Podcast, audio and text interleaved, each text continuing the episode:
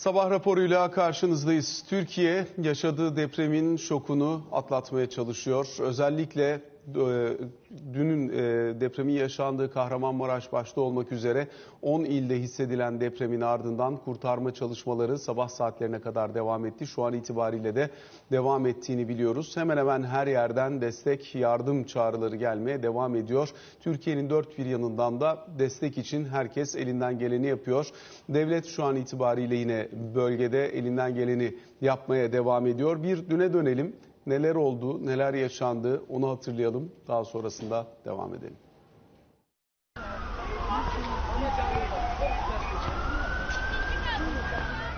acayip bir sallantı oldu. Bir buçuk iki dakika kadar sürdü. Yani bitmiyor. Bitsin diye bekliyorsunuz. Evimiz çok hasar gördü. Ben annemi ve kardeşimi canavliyle dışarıya çıkarttım. Komşularımız yani tam bir kıyamet ortamı vardı. Herkes canını kurtarmaya çalışıyordu. Kahramanmaraş kent merkezindeki Şazi Bey mahallesindeyiz. Burada 7 bloklu bir sitede çökme meydanı geldi. Yıkıntılar arasında maalesef vatandaşlar da bulunuyor. Onların sesleri göre ancak ekipler bir taraftan çalışırken diğer taraftan da diğer kentlerden gelecek ekipler bekleniyor. Vatandaşlar kendi imkanlarıyla kurtarma çalışmalarına da katılıyor ancak o araya o bölmeye girdiğinde tehlike de devam ettiğini belirtelim. Canlı iki kişi çıktığını söylüyor. Burada Kardeşim biri yeğenim biri eniştem. Bacım da orada. Kız kardeşini mi kurtarmaya Evet çalışıyorlar? evet evet. Ses Şunu, geliyor mu şu anda size? İbrahim, evet e, kocası dedi ki canlı olabilir dedi. Bağırmış 3-4 defa çünkü. Eşi de yaralı çıktı. Yaralı Oğlu yaralı çıktı. çıktı. Evet. Ne Tamam, olur peki. şunu kaldırsınlar ne olur. Kahramanmaraş'ta şu anda şehrin merkezindeyiz. Trabzon bulvarının önündeyiz. Burada nereye baksak, nereye dönsek yıkılan bir bina var. Hala bu binalardan sesler geliyor. Hem burada devlet yetkilileri UMKE, AFAD'la birlikte hem de akrabaları çalışmalarını sürdürüyor. Şu anda etrafıma bakıyorum 8-9 tane yıkılan bina var ve e, aynı zamanda ağır hasarlı binalarda burada yer alıyor. Şu anda ambulanslar ve polis ekipleri buradaki enkazların çevresinde çalışmalarını sürdürüyor. Teyzemin kızı çocuk odasında dört kişiler çocuklarıyla birlikte kendi. Çocuklarıyla annesi iki çocuk bir annesi sağ çıktı. Çocuğun biri vefat etti abi işte. Diğer de ileride de eniştemiz var. Onu çıkartmaya çalışıyorlar öyle. Enkazdan gelen ses neticesinde o bölgeye gidildi. Gönüllüler tarafından oraya girildi ve şu anda da bir yaralı çıkartıldı. Köprü kurularak yaralı battaniyeye sarılı bir şekilde el birliğiyle aşağı indiriliyor. Pazarcık ilçesindeyiz. Sabah saatlerinde de aslında buraya gelmiştik. Burada vatandaşlar kendi imkanlarıyla Demiroğlu apartmanda yakınlarını kurtarmaya çalışıyordu. Şu an itibariyle de AFAD ekipleri buraya sevk edilmiş durumda. Sabah saatlerinde burada iki kişi çıkarılmıştı. Biri yaşamını kaybetmişti. Bir yaralı vardı. Şu an itibariyle de üç kişinin kurtarıldığını söyleyebiliriz. Sesleri geliyordu sabah. AFAD ekipleri o seslerin geldiği noktada çalışmalarını sürdürüyor. Siz enkazda mıydınız siz? Evet evet 4 saat kaldım enkazda. İlk biz depremi hissettiğimizde e, insanların çığlıklarını ben duydum. Çığlıklarını ben duydum. Ancak üçüncü kez vurduğunda e, ba, çığlıkların çok kesildi. Biz burada e, Kaç katlı apartman? bu apartman altı kat. Bir de bodrum var altta. O hariç. Asma kat var. Toplam yani tabanı sayarsak 9 kat. Kaç daire vardı? Kaç ev vardı? Bir daire vardı. Altta mobilya. Komple mobilya mağazaydı. Siz nasıl çıkabildiniz? Nasıl kurtuldunuz? Ben eee, tabla düştüğünde benim ayaklarımın altına karyola devrildi. Tablada şu şekil çünkü ben kakabiliyordum, yarı kakabiliyordum. Eee, tablanın o karyola beni kurtardı. Pazarcık Çarşı merkezine geldik. Yıkılmamış, ha- harap olmamış, e, enkaza dönüşmemiş, neredeyse yapı kalmamış gibi insanlar sokaklarda. Bir taraftan da yardım bekliyorlar. Tabii ateş yakmışlar. E, korkuyla, panikle sokağa atmışlardı kendini. Savaş alanı gibi e, bir e, durum ortada. Yıkılmamış binaların da ağır hasarlı olduğunu görüyoruz.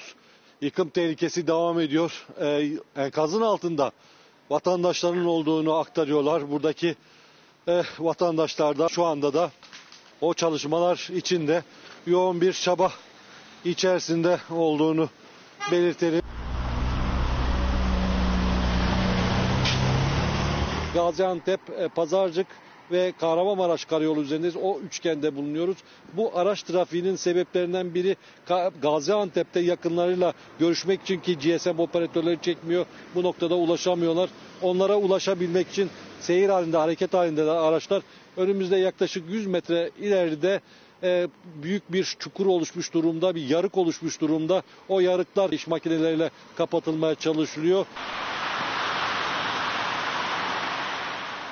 Şu anda Kahramanmaraş'ın girişindeyiz. Kahramanmaraş Havalimanı'nın hemen yanındayız. Burada deprem nedeniyle bir fabrikada göçük meydana geldi. Bu göçükle birlikte de fabrikada yangın çıktı. Çatıdaki kolonların çöktüğünü ve demir konstrüksiyonların yamulduğunu görüyoruz.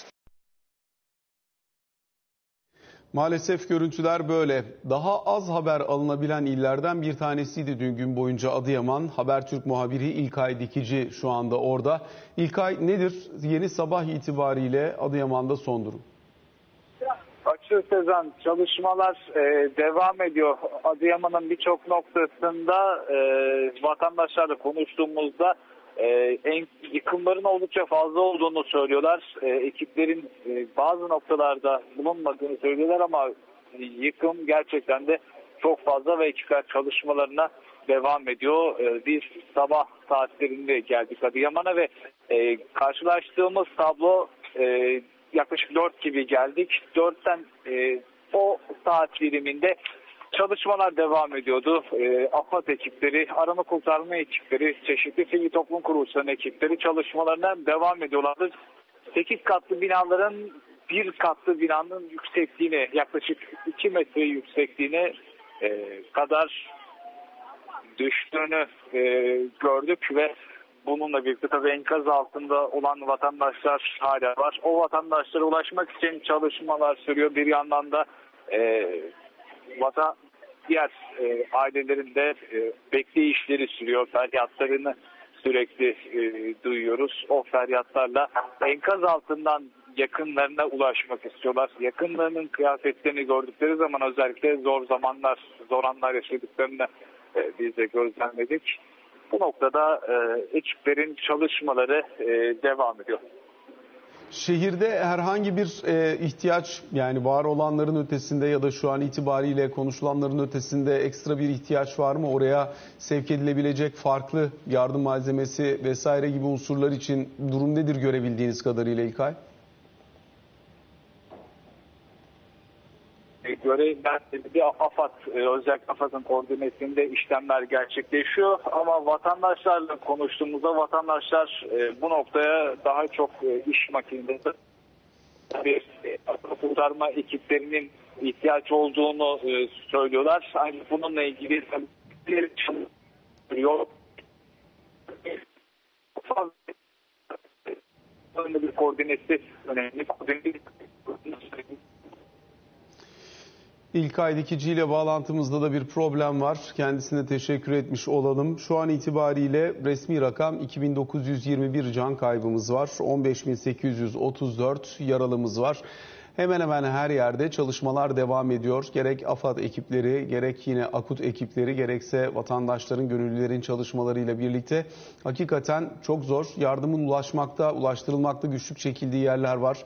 Hatay, Antakya bunlardan bir tanesi. Adıyaman'da yine benzer şeyler duyuyoruz. Diğer şehirlerde de benzer şekilde e, yolların çökmesinden kaynaklanan, Hatay'da havalimanının da pistinin kırılmasından kaynaklanan sorunlar var. Dolayısıyla e, ulaşımda da ciddi anlamda problem olduğunu görüyoruz. E, düzenli olarak burada karayolları ekiplerinden yapılan bilgilendirmeyi de takip etmek lazım. Çünkü o bölgede yakınlarına ulaşmak isteyenlerin de e, ulaşmakta güçlük çektikleri bir tabloyla karşı karşıyayız. E, yollar bu yoğunluklar nedeniyle de ciddi anlamda e, sıkışıyor. Belli başlı yollar kapatılıyor, belli başlı yollar açılmaya çalışılıyor. Dolayısıyla şehirlerin tahliyesi, şehirlerdeki e, en azından depremzedelerin tahliyesi içinde e, çaba gösterilmeye devam ediliyor. Ancak karayollarının da bu noktada yaptığı bilgilendirmelere düzenli olarak belki bakılarak hareket edilmesinde fayda var. Çünkü sürekli olarak farklı bölgelerden e, yol tıkanıklığı, yol kırılması haberleri de gelmeye devam ediyor. Biz e, bir yandan deprem gündemi üzerine konuşup değerlendirme yapmaya e, çalışıyoruz. Diğer taraftan sahadan, bölgeden gelen haberleri muhabirler aracılığıyla veya hocalarımız aracılığıyla sizlere iki gündür Bloomberg KT ekranlarında aktarmaya çalışıyoruz. Ama bir yandan da ister istemez kendi işimiz, kendi alanımız gereği e, ekonomi tarafında olup bitenleri ya da bunların ekonomi tarafındaki yansımalarını da belli ölçüde değerlendirmeye çalışıyoruz. Bir son gelişme olarak arkadaşlarımız aktarıyor. Merkez Bankası deprem bölgesi dahil olmak üzere 6 Şubat dahil öncesinde kullanılmış reskont kredilerine 6 ay ilave ihracat ve döviz kazandırıcı hizmet taahhüdü kapatma süresi verdi. Bununla birlikte dün Sermaye Piyasası Kurulu'ndan Borsa İstanbul'la ilgili olarak getirilen bir düzenleme vardı. Hem açığa satış yasağı hem satışlarda depo yükümlülüğü hem de sadece aynı aracı kurumdan alım satım yapma yükümlülüğü. E, bu sabah itibariyle, dün gece itibariyle daha doğrusu SPK'dan gelen açıklamayla bu düzenlemenin 2 ve 3. maddesi depo yükümlülüğü ve aynı aracı kurumdan işlem yapma yükümlülüğü e, kaldırılmış oldu. Açığa satış yasağının devam ettiğini ifade edelim. Dolayısıyla bunlar da bir yandan deprem devam ederken öbür taraftan e, iş, işleyişin e, sağlıklı devam edebilmesi için e, atılmaya çalışılan adımlar. Biz şimdi TED Üniversitesi İşletme Bölüm Başkanı Doçent Doktor İbrahim Ünalmış'la birlikteyiz. İbrahim hoş geldin yayınımıza. Hoş bulduk Açıl. Açıl günaydın. Herkes için çok zor bir ortam. Herkes için konuşmakta da çok güçlük çektiğimiz bir ortam. Ee, Birçok şeyi neden yaptığımızı falan da sorgulatan bir ortamla karşı karşıyayız ister istemez. Biz Kesinlikle. kendi gündemimiz gereği biraz daha yine işin ekonomik boyutu üzerine değerlendirme yapmak zorundayız ama e, sana bir sorayım öncelikle söylemek istediğim var mı deprem ve yaşananlarla ilgili? Gerçekten e, çok zor bir zaman. Yani yer bilimcilerden anladığımız kadarıyla e, herhalde en kötü senaryolardan bir tanesi gerçekleşti e, dün e, bu bölgede. E, onun üstüne hava koşullarının olumsuz seyretmesi, tam kışın ortasında olmamız da e, işlerimizi iyice zorlaştırdı. E, o yüzden e, burada çalışan, e, yardım etmeye çalışan oradaki vatandaşlara herkese kolaylıklar diliyorum. E, kaybettiğimiz vatandaşlara Allah'tan rahmet dilemekten başka bir çaremiz e, maalesef yok. E, yaralı olan vatandaşlarımıza acil şifalar diliyoruz. E, ve yakınlarını kaybeden vatandaşlarımıza da e, başsağlığı dilemek isterim buradan. İbrahim elbette bu tür dönemler ister istemez yapılan hazırlıkları, kentsel dönüşümleri, aktarılan kaynakları hepsini sorguladığımız dönemler oluyor. E, bu çerçevede baktığın zaman elbette bu bölgede e, çok ciddi bir bu e, enkazdan inşallah bütün vatandaşlarımız e, salimen çıkarıldıktan sonra bu bölgede nelerin yapılması gerektiği, Türkiye'nin geri kalanında nelerin yapılması gerektiği, buralara nasıl kaynaklar aktarılması, o kaynakların da nasıl e, daha doğru şekilde kullanılması gerektiği üzerine odaklanmak gerekecek.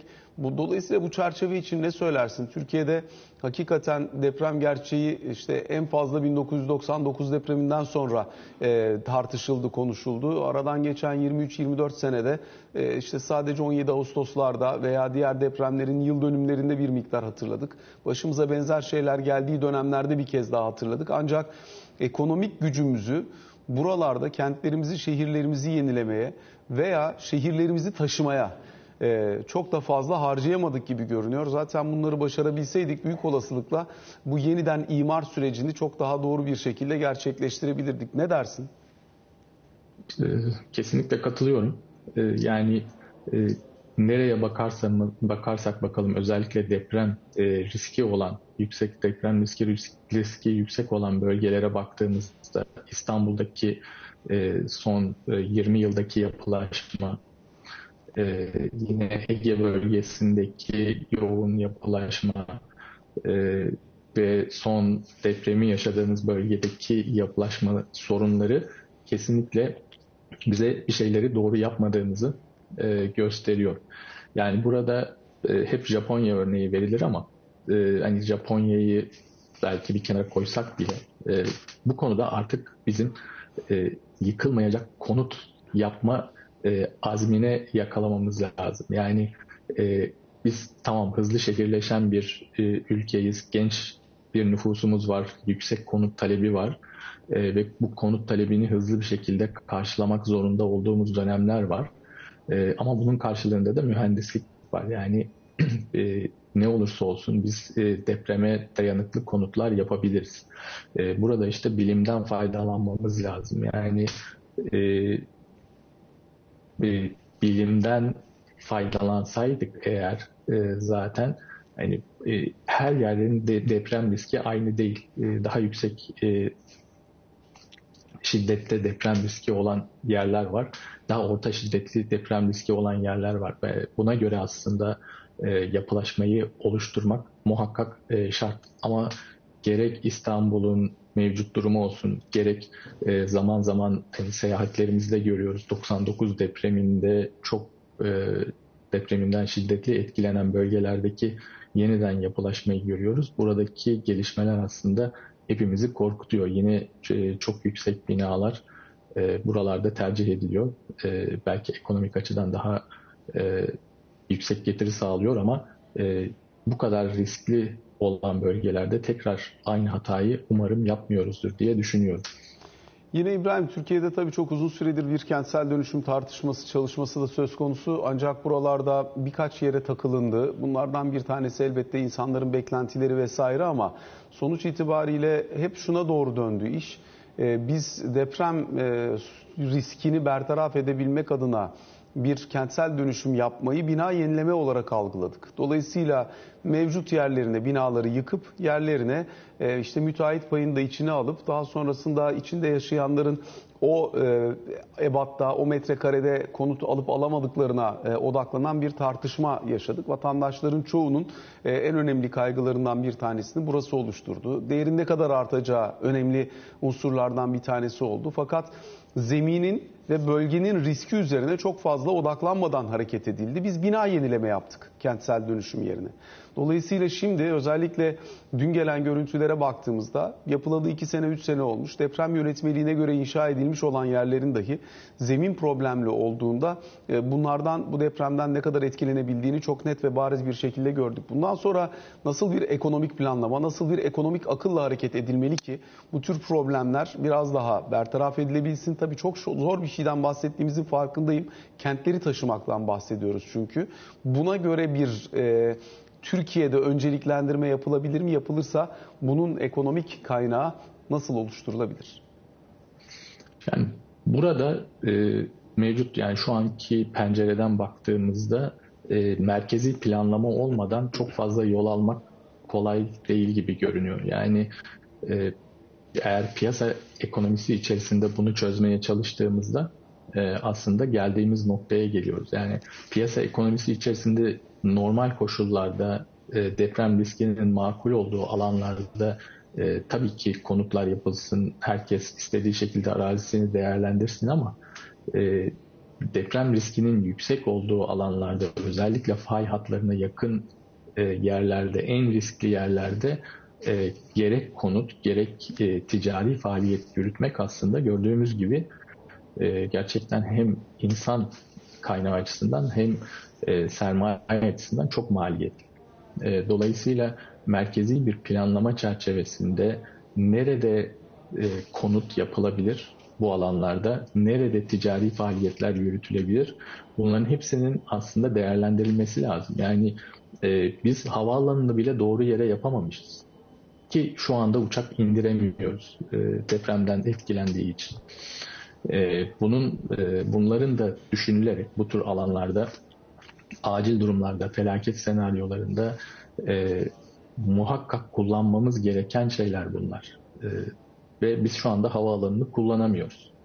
E, yollar zaten çok vahim durumda. E, belli ki yolları da bu standartlara göre yeterince sağlam yapamamışız. E, dolayısıyla burada e, merkeziyetçilik şart.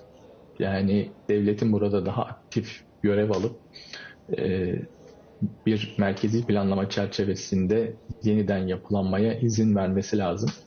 E, bu tabii maliyetli bir şey ama bunun maliyetini karşılamak zorundayız. E, başka bir çaremiz yok. E, 99 depreminin maliyetini nasıl karşıladıysak e, Türkiye ekonomisi olarak bunu da göğüsleyeceğiz. E, burası muhakkak.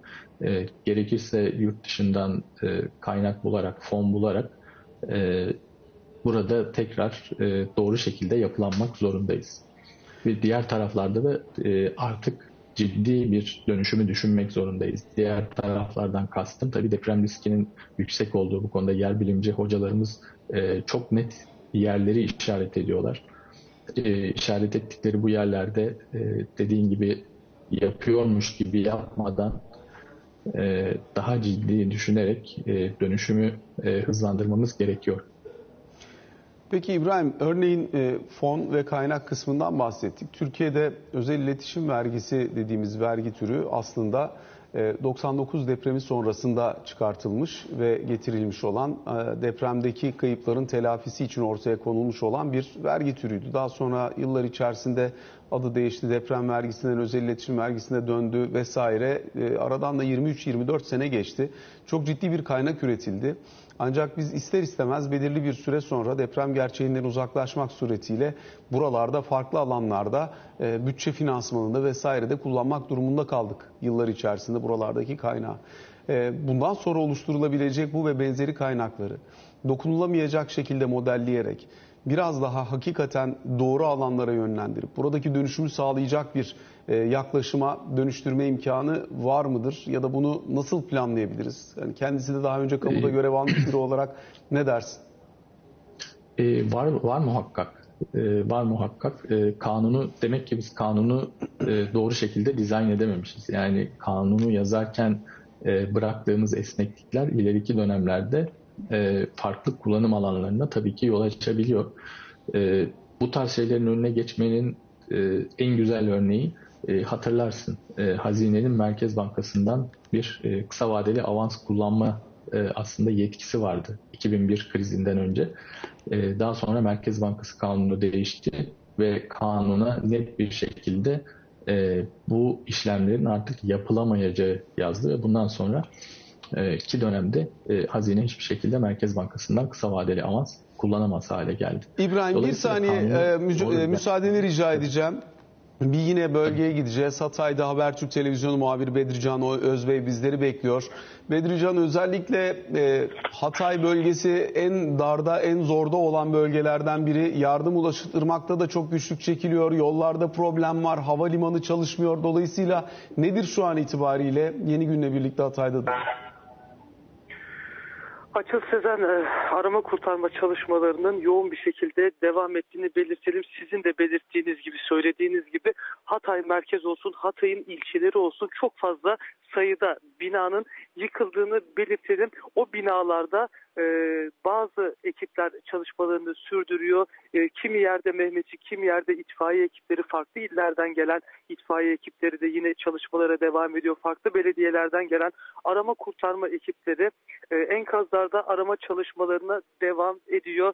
E, yine bölge halkı da kendi imkanlarıyla yakınlarını, enkaz altında kalan yakınlarına ulaşmaya çalışıyor. Hatay merkezde özellikle Atatürk Caddesi boyunca çoğu binanın yıkıldığını, çoğu binanın da e, risk taşıdığını yani e, yıkılma riski taşıdığını belirtelim. E, yola doğru yan yattıkları için trafik akışında da bir aksaklık var. Yıkılan çoğu binanın moloz parçaları da yine e, yolları kapattı. Atatürk Caddesi'nin bazı kesimlerinde ulaşım farklı şeritlerden e, devam ediyor. E, o yönde bir araç e, trafiği oluyor. Ambulansların yoğun bir şekilde e, şehrin dışına doğru enkazdan çıkan yaralıları şehrin dışına doğru çıkarttığını orada kurulan e, sağlık çadırlarına götürdüklerini belirtelim. Hakeza e, Hatay'ın ilçelerinde de İskenderun ilçesinde de İskenderun Devlet Hastanesi'nin e, yoğun bakım servisi yıkılmıştı. Yine dün orada çalışmalar yapıldı. E, çoğu hasta e, çoğu hastaya ulaşıldı. O enkaz altından çıkarıldı. Ancak şu an itibariyle biz Hatay merkezde bulunuyoruz. Hem ulaşım açısından hem de iletişim açısından da oldukça sıkıntılar mevcut. E, telefon e, konusunda, internet konusunda e, sorun yaşanıyor. Yine e, şehre giren yollarda e, çökmeler var, asfaltta çatlamalar var. Bunlar da bir risk oluşturuyor. E, özellikle Hatay merkezde e, enkaz çalışmalarına bu noktada ekiplerin yoğun bir şekilde bölge bölge bazı bölgelerde itfaiye ekiplerinin bazı bölgelerde Mehmetçiğin bazı bölgelerde de yine başka şehirlerden gelen belediye ekiplerinin arama kurtarma çalışmalarını devam ettiğini belirtelim. Şu anda bir ekip ya da personel eksikliği söz konusu mudur orada? Çünkü dün itibariyle ulaşımda çok problem olduğu için birçok yerde e, bu eksiklik üzerine çok fazla tartışma yaşandı. Şu anda senin gözlemin nedir orada? Gece boyunca şehre ekiplerin geldiğini belirtebiliriz ancak buna sağlıklı bir cevap vermek mümkün değil. Çünkü şehrin çoğu kesimine bizim de ulaşımımız e, çok kısıtlı oluyor. Ancak gördüğümüz noktalarda enkazlarda e, ekiplerin bazı noktalarda çalıştığını söyleyebiliriz. Şöyle ki bir enkazda itfaiye ekibi çalışıyorsa bir diğer enkazdaysa Mehmetçik'ten destek alınıyor. Mehmetçik arama kurtarma çalışmalarını yürütüyor. Ancak dediğimiz gibi Hatay'ın caddelerinde özellikle merkezde Atatürk Caddesi boyunca binaların çoğunun yola doğru yıkılması nedeniyle ve bazı binalarında yıkılma riski taşıması nedeniyle ulaşımda bir sıkıntı yaşandığını söyleyebiliriz. Bedri Can Özbey teşekkür ediyoruz. Kolaylıklar diliyoruz hem sana hem bölgedeki herkese. Şimdi e, deprem uzmanı Profesör Doktor Zafer Akçı bizlerle birlikte. Hocam günaydın. Günaydın, iyi yayınlar. Teşekkür ediyoruz. Hem e, başsağlığı diliyoruz Türkiye'ye hem aynı Evet, zamanda çok geçmiş olsun diyoruz. Ümit ediyoruz ki bütün vatandaşlarımız e, burunları kanamadan enkazın altında İnşallah. olanları çıkarma şansına sahip olabiliriz. E, uzunca bir süredir deprem üretmeyen bir hat olduğu dolayısıyla bu bölgede bir deprem beklentisi uzun süredir oluştuğu ifade ediliyor. Sizin bakışınız nedir? Özellikle dün İkinci depremle birlikte bir kez daha hani bu eşi benzeri görülmedik bir şey anladığımız kadarıyla Türkiye'de ama e, ikinci depremle birlikte neye uğradığımızı şaşırdık. Dolayısıyla nedir, neden olmuştur, etkileri ne olabilir? Şimdi şöyle bir şey var. Yer bilimciler açısından bizim açımızdan bu bir sürpriz değil. Çünkü doğu, tarihsel geçmişinize bakarsanız ki aşağı yukarı 400-500 yıllık bir periyot gündeme geliyor. O tarihlerde de çok büyük yıkıcı depremler yaratmış bir fay. Dolayısıyla bu kadar uzun süre uyuyan bir zemin bir gün mutlaka uyanacağı, fay diri olduğuna göre mutlaka uyanacağı gerçeği hep karşımızda duruyordu. Nitekim değişik bilim adamları hep bu faya, özellikle belki noktası olarak değil ama bu fay hattına dikkati değişik zamanlarda değişik şekilde çektiler. Dolayısıyla bu fay mutlaka bir gün patlayacaktı, patladı. Hatırlayacaksanız 99 depreminden evvelde yer bilimciler hep Kuzey Anadolu fayının İstanbul'a büyük tehlike yaratacağını defalarca 1900'lü yıllardan 1970'li yıllardan itibaren hep devamlı söyleniyordu. Ha demek ki o zaman fay bir şekilde görevini yapacak. Yani kendince enerjisini boşaltıp kendisini rahatlatacak. O zaman geriye ne kalıyor? Bunları durdurabiliyor muyuz? Hayır. Türkiye'nin %90'ı deprem bölgesi mi? Evet. %10'luk bir kesimi şimdilik hariç olmak üzere her an bu bölgelerin her yerinde değişik depremlerin olma olasılığı yüksek. O zaman ne çaremiz ne? Biz depremden kaçamayacağımıza göre, olmasını engelleyemeyeceğimize göre yapacağımız bir tek şey kalıyor. Düzgün zeminde sağlam bina yapabilmek ve zemin koşullarına uygun şekilde planlamak. Bunları yapma gücüne ve bilimsel erkine sahip miyiz? Evet sahibiz. O zaman niye yapmıyoruz? Veyahut da niye yapamıyoruz? Sorun burada başlıyor. Bu sorunları aştığımız zaman zaten bu tür depremlerde Japonya'daki olduğu gibi e, binanın yıkılmasını değil, e, biz e, vazoların bidonların kırılmasını önlemeye çalışıyoruz. Ki o günlere de gelmeyi umut ediyorum. İnşallah geleceğiz diye düşünüyorum. Yapacağımız tek şey budur. Peki hocam orada yapılan ne, burada yapılmayan nedir?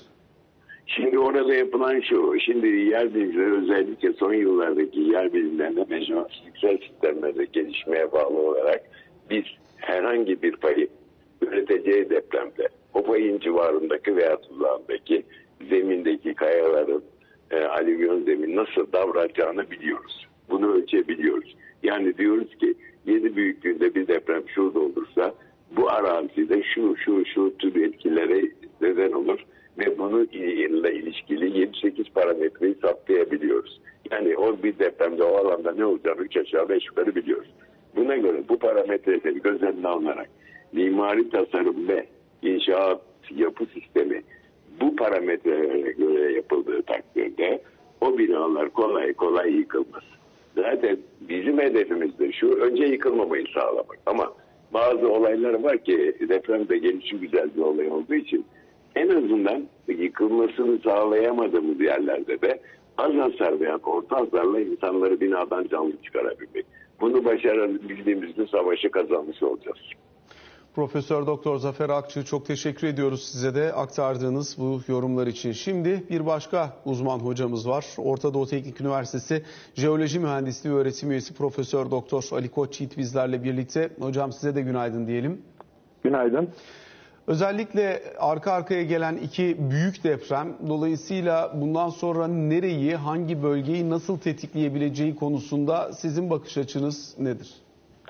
Sesiniz çok o, düşük e, tonda geliyor. Biraz yükseltebilir misiniz acaba? Tabii arkadaşlarım sesimi yükseltmiş olmalılar. Şu anda daha rahat duyabiliyor musunuz beni acaba?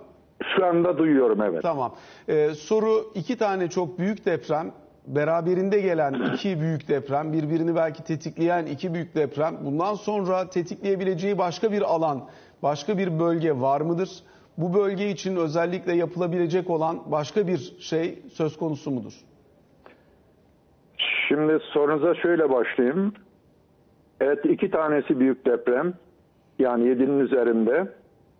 Ee, ancak 7'nin altında 5'in üzerinde 8 tane daha bağımsız deprem oldu. Bunun anlamı şu. İlk deprem yani e, 6 Şubat saat 4.17'de olan ilk deprem daha sonrakileri tetikledi.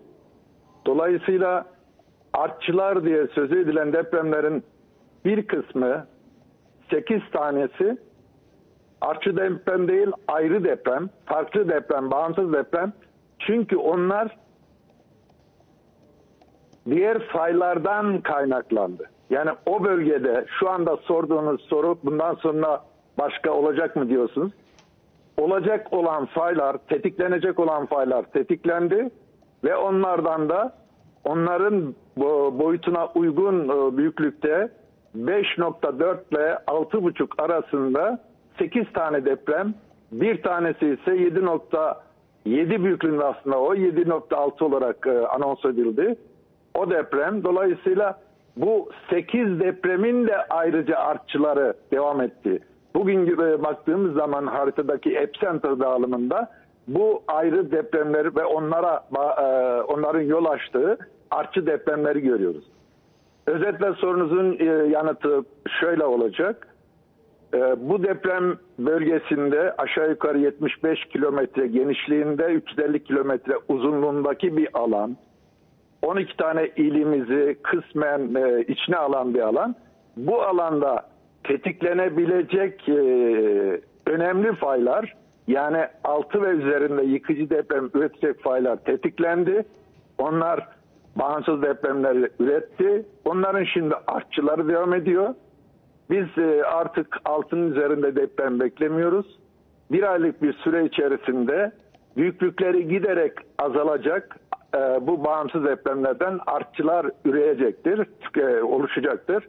Onlar da hafif hasar görmüş ya da ağır hasar görmüş ayaktaki binaların yıkılmasına büyük ölçüde yol açacaktır. Bu bağlamda o, o hafif ya da ağır hasar görmüş yapılardan mümkün olduğu kadar uzakta kalmamız gerekiyor. İçine girmememiz gerekiyor ve daha sağlam zeminler üzerinde geçici barınaklarda işte çadır gibi, e, baraka gibi e, onlarda yaşamamız gerekiyor. Biliyorum bu çok zor bir olgu kış koşulları nedeniyle ama yapmak zorundayız hayatta kalmak için. Peki hocam bundan daha ötesi için bakacak olursak şehirlerimizi taşımak gerekecek bir bölümünü anladığımız kadarıyla. Çünkü bu faylar buralar ciddi anlamda problemli. Hani deprem Şöyle, bölgesinde olan şehirlerde binayı yenilemek yerine şehirleri taşımak için bir hamle yapmak daha doğru olur mu? Böyle güvenli alanlar var mıdır? Söylediğiniz doğru. Yani aslında çok iyi bir soru sordunuz. Buna bir küçük bir e, girişle e, bu sorunuza yanıt vereceğim. Japonya'da az önce bahsetti e, arkadaşımız da.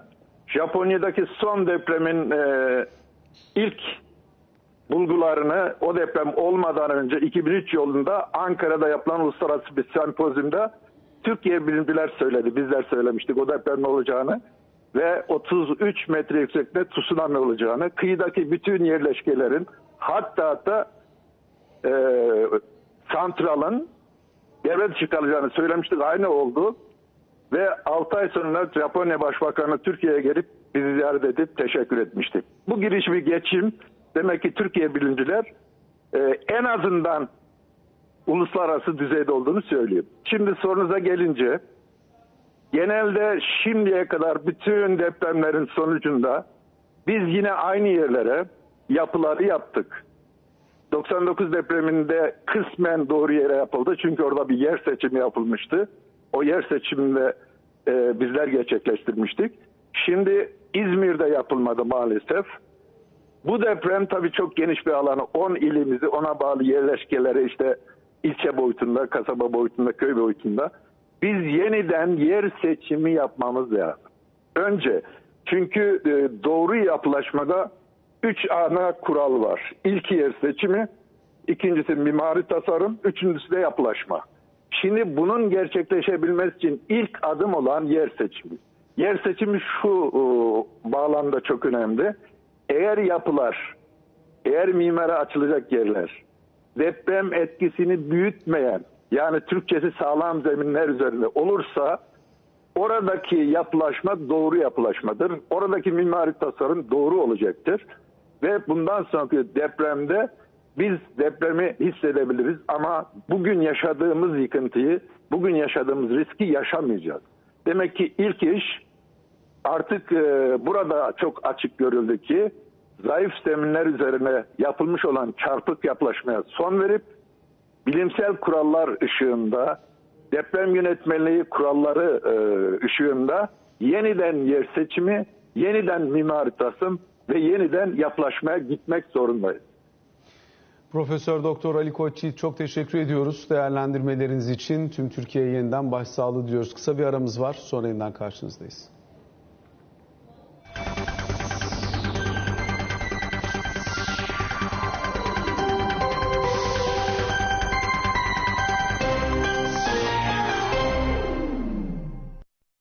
Sabah raporunun son birkaç dakikası içerisindeyiz. TED Üniversitesi İşletme Bölüm Başkanı Doçent Doktor İbrahim Ünalmış'la beraberdik. İbrahim kusura bakma araya girdik birkaç tane bağlantı almak durumunda kaldık. Hem sahayı hem de aslında depremin boyutunu değerlendirebilmek için seninle son sorduğum soru konuşurken özellikle e, bu bugüne kadar üretilmiş olan deprem vergileri başta olmak üzere, özel iletişim vergileri başta olmak üzere kaynakların bundan sonra toplanacak olanlarının en azından e, daha doğru ve kentsel dönüşüme ama doğru kentsel dönüşüme, bina yenilemeye değil ama hakikaten burada şehirlerin taşınmasına ya da daha sağlıklı binaların inşasına dönük olarak kullanılmasını nasıl sağlayabileceğimiz, bunun için yasal altyapıda nelerin gerektiğiydi. Sen başlamış ve aslında bir örnek vermiştin. Hazine ve Merkez Bankası arasındaki avans hesabı üzerinden oradan devam edelim istersen.